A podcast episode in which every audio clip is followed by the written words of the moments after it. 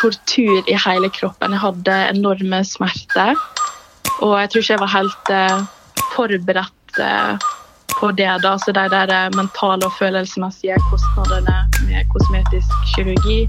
Altså det, det brenner interesse, litt som terapi, jeg guess, å bry seg om utseendet. Og fikle litt med det, eller Ja, altså, jeg syns bare det er en artig ting å drive på med. Når jeg lå på operasjonsbordet, så begynte tårene å renne. For jeg skjønte at liksom, oi, det her er jo skikkelig stort. ikke sant? Det er kropper overalt. I Instagram-feeden, i media, på TikTok, på YouTube og i TV-serier. Og når jeg ser meg selv i speilet, så ser ikke jeg ut som de. Når jeg står der, lenge, og ser på kroppen min, så ser jeg hvor lite symmetrisk ansiktet mitt er. Det er som om hele jeg ser helt skeiv ut. Og alt blir bare skeivere og skeivere jo mer jeg stirrer. Og det er faktisk ganske mange som har det sånn. Syv av ti unge føler press om å se bra ut eller ha fin kropp. Men hvor går egentlig skillet mellom å føle utseendepresset og å utføre et inngrep? Hvor vanskelig er det å få det gjort? Hvor farlig er det egentlig å fikse på kroppen?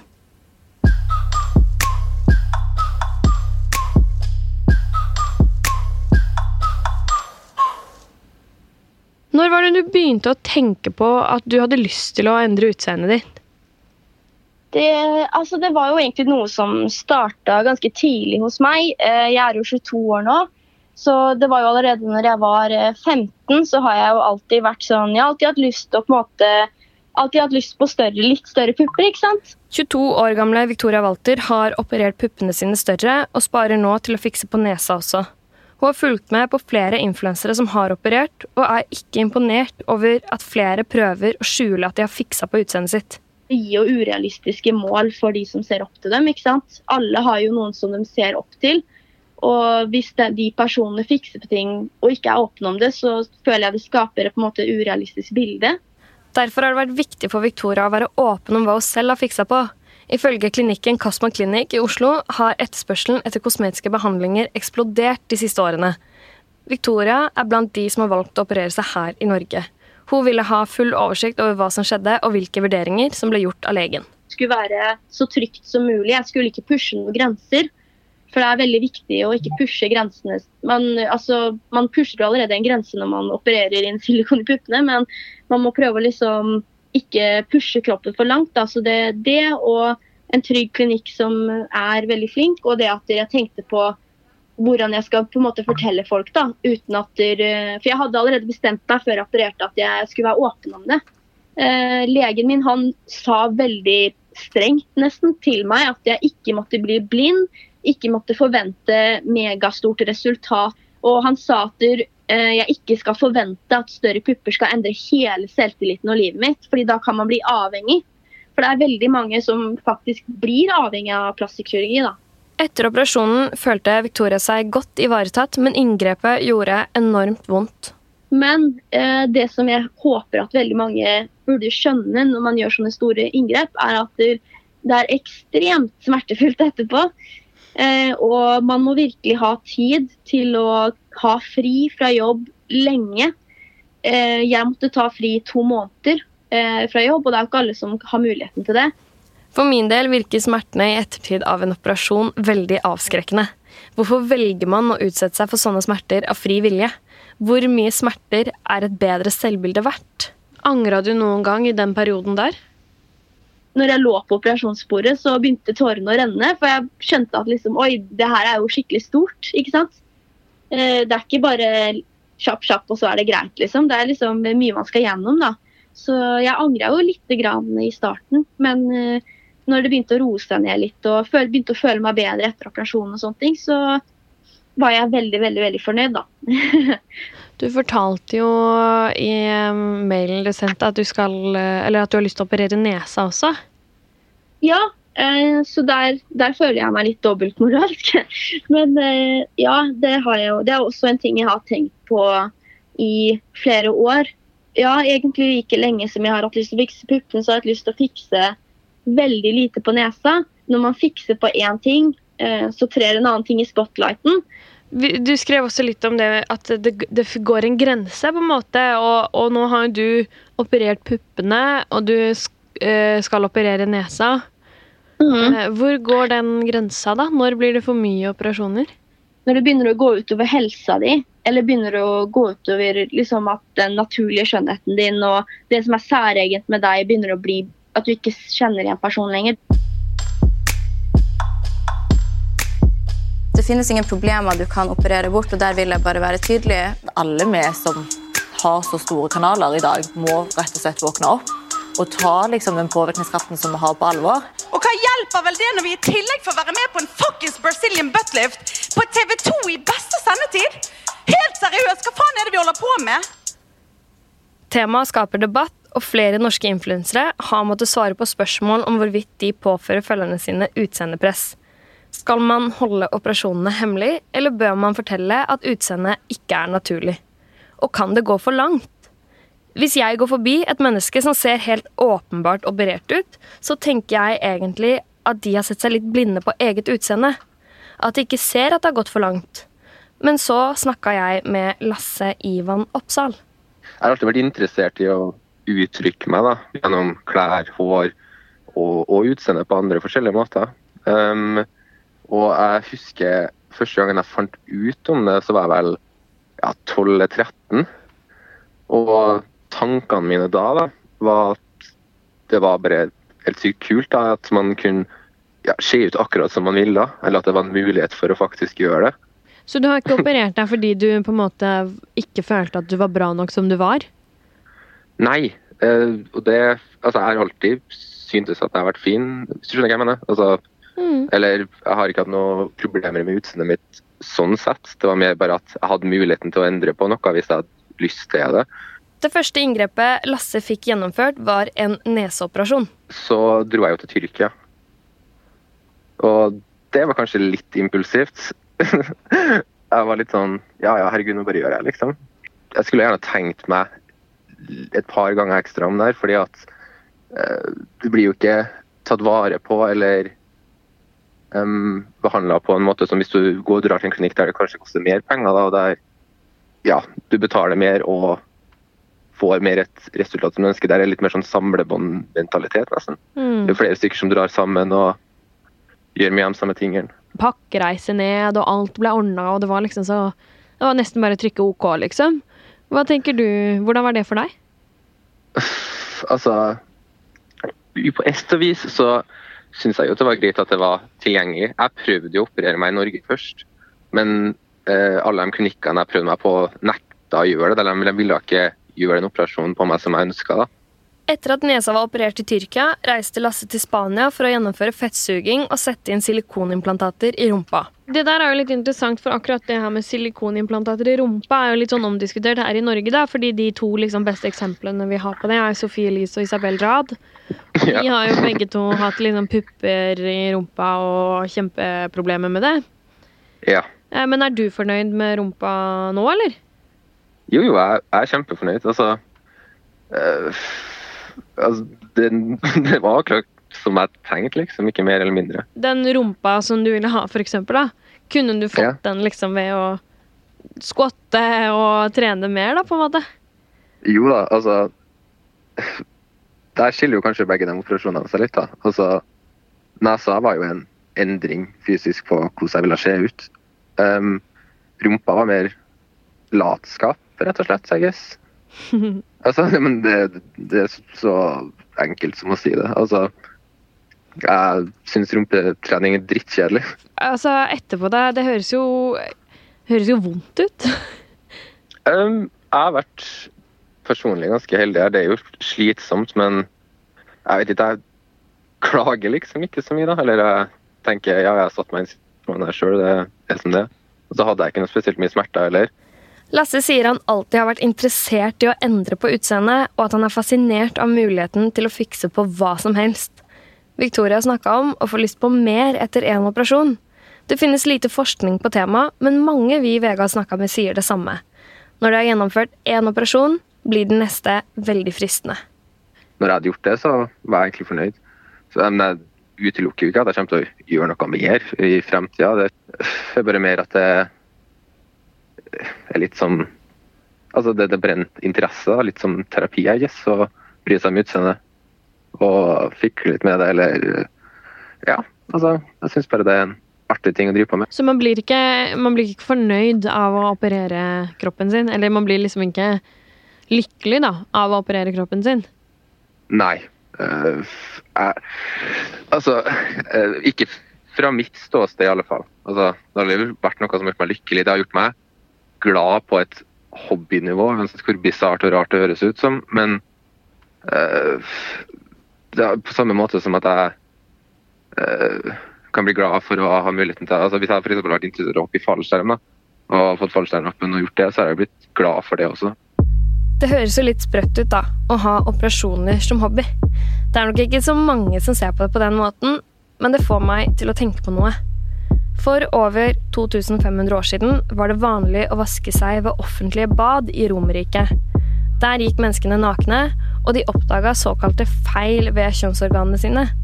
Tenk at man også da skulle være helt perfekt. Og derfor oppsøkte de også kirurgisk hjelp for å få fikse på det de så på som skavanker. Og bare for å understreke hvor sprøtt det hele er bedøvelsen den kom først 2300 år senere. Og det er kanskje først i nyere tid at operasjoner har blitt tilgjengelig for mannen i gata. Det er dyrt, men for de fleste i Norge er det mulig å spare opp til en operasjon uten veldig store utfordringer. Er det en av godene med å leve i 2020? Hvis vi ikke liker noe ved utseendet vårt, kan vi bare fikse det? Altså, Det var jo grunntanken min, da, og det er det som alltid har vært den følelsen jeg har hatt i kroppen. Eh, fordi det, det har vært en interesse. Poenget med plastkirurgi for min del er jo muligheten til å uh, realisere det bildet du har av hvordan du skal se ut i hodet ditt, ikke hvordan andre vil at du skal se ut. Hvordan ser det ut om 100 år? Kommer det til å bli sånn at vi alle bare fikser det vi ikke liker med oss selv? Eller kommer vi til å se tilbake på den tiden mange opererte, og tenke hva i alle dager var det vi drev med? Der Lasse ser muligheter for å se ut akkurat sånn som han vil, ønsker Victoria å fikse akkurat så mye at hun kan si seg fornøyd, men fremdeles ligne på sitt naturlige jeg. Hvor går grensen for hva som er greit å fikse på? Det er jo uendelig med muligheter. Fra de litt milde tingene som regulering og fjerning av føflekker, til det mer ekstreme, som å ta bort overflødig hud etter vekttap eller transplantere hår. Alle jukser. Hvor farlig er egentlig det? Og hvordan føles det hvis man angrer på at man la seg under kniven? Hallo, det er Sienna. Hei, Sienna. Det er Maren fra VG. Hei. Hei, Beklager at jeg er litt sein. En av ti altså. jenter er villig til å operere seg for å forbedre utseendet sitt, ifølge en undersøkelse Norstat gjennomførte for fem år siden. En av de er Sienna Sjåstad. Hun er 19 år og opererte rumpa si for litt over ett år siden. Altså, jeg hadde jo ikke visst hva BBL var, hadde ikke det vært for at den ene influenseren jeg fulgte, snakka så masse om det. Og hun fronta det veldig masse, fordi at eh, hun var jo sponsa av en klinikk som utførte det på henne. BBL står for Brazilian buttlift og er en rumpeløftsoperasjon som kan gjøres med eget fett eller med implantater. Det er vanligst å bruke eget fett, og da henter kirurgen fett fra andre kroppsdeler, som magen og låra, og sprøyter det inn i rumpa. Målet er ofte ikke bare en større rumpe, men å endre kroppsfasongen til å bli mer timeglassformet, ifølge klinikken Aleris. Da jeg søkte på det, så søkte jeg egentlig bare på BBL Norge. Og så kom det opp et firma med norske rådgivere. Og så tok jeg kontakt med deg for å høre litt mer hva det her gikk ut på. da. Sienna fant et norsk firma som tilbyr pakkereiser ned til en klinikk i Tyrkia. Det er gjort i et Google-søk, og for halve prisen av et rumpeløft i Norge får du alt fra luksushotell og privatsjåfør til operasjon og medisiner. Og Da sa de at de ordna med fly, reise, overnatting, transport, operasjon og medisin osv. Og når de la det fram på denne måten, så ble jo den fristelsen så stor, og det virka så lett, for de tok jo seg av alt. Og jeg trengte jo bare å betale, så var det gjort på en måte. Og det var egentlig det som skjedde. Jeg hadde bestemt meg, liksom. Hadde du spart? Eh, jeg brukte nesten alle pengene på sparekontoen min på denne eh, operasjonen her. I Norge koster en slik operasjon over 60 000 kroner, mens en pakkereise til Tyrkia koster 38 000. Det er rett og slett billigere å ta en all inclusive-ferie med rumpeoperasjon på kjøpet enn det er å ta operasjonen alene her i Norge. er det rart fristelsen blir for stor. Men så er det mange ting det er fort å glemme når man legger seg under kniven på et utenlandsk operasjonsbord. Plastikkirurg Mette Haga har tidligere fortalt til TV 2 at hun ser økende behov for store og omfattende rekonstruksjoner fordi operasjonsresultatene fra andre land har blitt katastrofalt dårlige. Bakterier som ikke kan helbredes med antibiotika, blodpropp og farlige infeksjoner er noe av skrekkscenarioene Haga trekker fram. Kan det potensielt være livsfarlig å operere seg i utlandet? Kan språkproblemer og manglende kompetanse og hygiene gjøre så operasjonene går galt. Det tenker i hvert fall norske kirurger. Og ofte er korrigeringene som må gjøres veldig dyre og omfattende. Haga sier at prisen kan ligge på alt mellom 40 og 100 000 kroner. Hvilke vurderinger gjorde du da, før du bestemte deg? Eh, det her var jo kjempespontant. Jeg tror ikke jeg brukte mer enn en eh, uke på å finne ut at eh, det her skulle jeg gjøre, liksom. Og den uka brukte jeg til å finne en klinikk jeg kunne gjøre det på. Så det var veldig, veldig, veldig spontant av meg å gjøre det. Og jeg tror ikke jeg tenkte så godt gjennom det jeg skulle gjøre da. Lasse omtaler også operasjonen sin i Tyrkia som spontan. Er det rett og slett så enkelt å bare trykke på bestill-knappen at man ikke rekker å tenke seg om to ganger først? Jeg har jo hørt at um sånn BBL og, og operasjon i rumpa er noe av det farligste. Tenkte du noe over det? Jeg tror jeg var på det der punktet at eh, jeg var sånn eh, Hvis jeg skulle leve nå, liksom, så hadde jeg lyst til å være fin. Så for meg så betydde ikke det så masse, fordi jeg har jo hørt at det er sånn at folk kan dø av det her, denne operasjonen og sånn. Men for meg så var det tydeligvis så viktig at eh, jeg bega meg ut på det, da. En rumpeoperasjon har stor risiko, mens Sienna fokuserte på helt andre ting. Jeg kjente faktisk ikke på noen nerver eller noe. Jeg gleda meg veldig og sånn, helt til jeg kom ned dit og så kjente jeg litt på den her nervøsiteten. da, At uh, shit, nå skjer det, liksom. Jeg tror ikke det gikk helt opp for meg før jeg var der. Hun sjekka inn på luksushotell over gata for sykehuset som skulle gjennomføre operasjonen, og bodde der i en uke sammen med mammaen sin. Eh, når jeg kom dit, så eh, skrev jeg under en del papir og eh, så ble jo jeg tegna på hvordan det skulle bli, snakka med han som skulle operere meg. Og så var jo det hun her som skulle eh, sette inn en sånn uh, sprøyte i hånda mi, da. Og hun uh, sa jo da at, uh, på tyrkisk da at jeg var så ung og skjønte ikke helt hvorfor jeg gjorde dette, og hvordan jeg hadde på en måte kommet meg hit da, så ung. For jeg var ikke så unge som meg som hadde kommet til Tyrkia eller Bita for å gjøre den her. Har du tenkt mye på det i ettertid, da? Absolutt. Det er ting jeg tenker på den dag i dag. At, det, altså, at det ikke gikk så inn på meg da, men at det har gått opp for meg nå hvor blind jeg var på alt det her. Så etter det så ble det operasjon, da? Ja, det ble det. Hva, er det en lang operasjon, eller? Eh, jeg tror den tok ca. rundt tre-fire timer. Når du våkna opp igjen da, liksom, hva følte du da? Eh, bare tortur i hele kroppen. Jeg hadde enorme smerter. Og jeg tror ikke jeg var helt eh, forberedt eh, på det. da, så De der mentale og følelsesmessige kostnadene med kosmetisk kirurgi. Det var jo det her stresset og søvnmangel, og at det har skjedd en rekreasjon av hele kroppen. da, Det var masse smerte, trøtthet, og hevelsen, så jeg gikk jo i en slags viss grad av depresjon rett etterpå. Du hadde vondt? Ja, veldig vondt. Altså, jeg kjente jo på kroppen min at den var annerledes, men de her som var rundt meg, da, det teamet som skulle støtte meg, var jo veldig opptatt av å si til meg at eh, det, her, det, det, er ikke sånn kroppen din skal se ut. Det her er en prosess som kan ta opptil et år før du ser resultatet. og sånn, Så jeg var jo veldig sånn Jeg må ha tålmodighet, da flyturen hjem, da? Hvordan var det liksom Når du har operert eh, rumpa, hvordan eh, Kan man sitte på flyet, liksom? Eller? Du får en slags pute. Så den er jo ganske høy, da, så jeg satt jo ikke komfortabelt hele den turen. Og så må jo du røyse deg og gå for å unngå blodpropp da, og bruke kompresjonsplagg og sånn. Så det var jo ikke den mest behagelige turen hjem. Og så hadde vi eh, mellomstopp som vi måtte vente der i sånn sju-åtte timer. Så det var ikke noe godt, akkurat. Sienna forteller at hun hadde vondt i over en og en halv måned etter operasjonen, og at hun lenge kun kunne ligge på magen. Det endelige resultatet på hvordan kroppen skal se ut for alltid, fikk hun først etter et år. Angra du noen gang?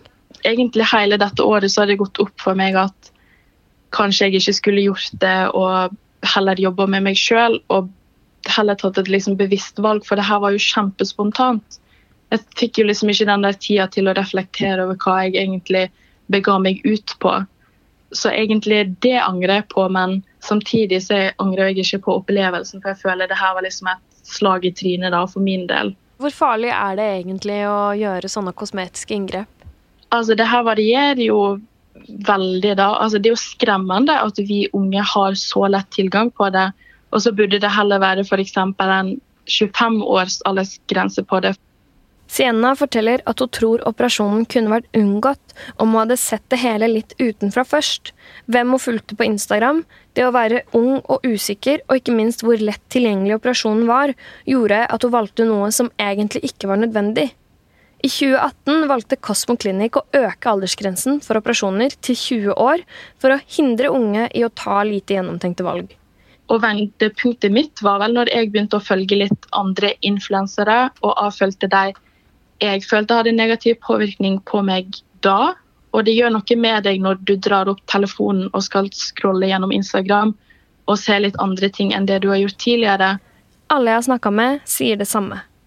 Noen tenker lenge over det og blir veldig fornøyde, men hvis man var misfornøyd med seg selv før en operasjon, så er man ofte misfornøyd etter også. Når nesa er fiksa, så er puppene neste. Det er skummelt. Skummelt å begynne å leke med noe som er så lett å angre på, og så vanskelig å gjøre noe med. Det er så permanent, koster så mye penger og medfører så mye smerte. Det å bli fornøyd med oss selv er kanskje ikke så enkelt som vi tenker, da. Jeg blir ikke et nytt og bedre menneske selv om jeg får større lepper. Det er kjipt å innse, men utseendet vårt er skikkelig midlertidig. Er fordelen med å leve i 2020 at man kan endre på det man er misfornøyd med? Eller er det at det endelig begynner å komme litt strengere regler for hva som kan reklameres for, og hvor gammel man må være for å operere? At jeg ser meg i speilet og finner ting jeg kan fikse på, er kanskje kjernen av hva som er farlig med operasjoner. Det er så lett tilgjengelig at jeg vet at jeg kan fikse de slappe øyelokka mine allerede før jeg har blitt oppmerksom på at de er slappe. Jeg tror det er viktig å tenke over hvor man selv synes at grensa går, og holde seg til den, også når man ser seg i speilet og begynner å tvile, eller når man snubler over et rumpeløft på tilbud. Det er farlig å fikse kroppen sin som en løsning på et problem som ligger i hodet. Det var ulovlig å være homofil i Norge helt fram til 1972. Det er under 50 år siden. I dag har homofile lov til å ha sex, bo sammen og gifte seg, akkurat som alle andre. Det skulle i utgangspunktet ikke være noen forskjell på å være homofil og heterofil lenger, men det er det. Unge homofile opplever hets og vold. Det handler det om i neste episode av Hvor farlig er det egentlig? Denne podkasten lages av produsent Nikoline Mevasvik Haugen, journalist Bastian Lunde Hvitmyr, Synne Solbakken og meg, Maren Olava Askhytt. I denne episoden har du hørt lyd fra Debatten på NRK. Vi vil veldig gjerne høre fra deg, så send oss en mail på farlig at vg.no. Teknisk produsent er Magne Antonsen, og podkasten er finansiert med støtte fra stiftelsen Tinius.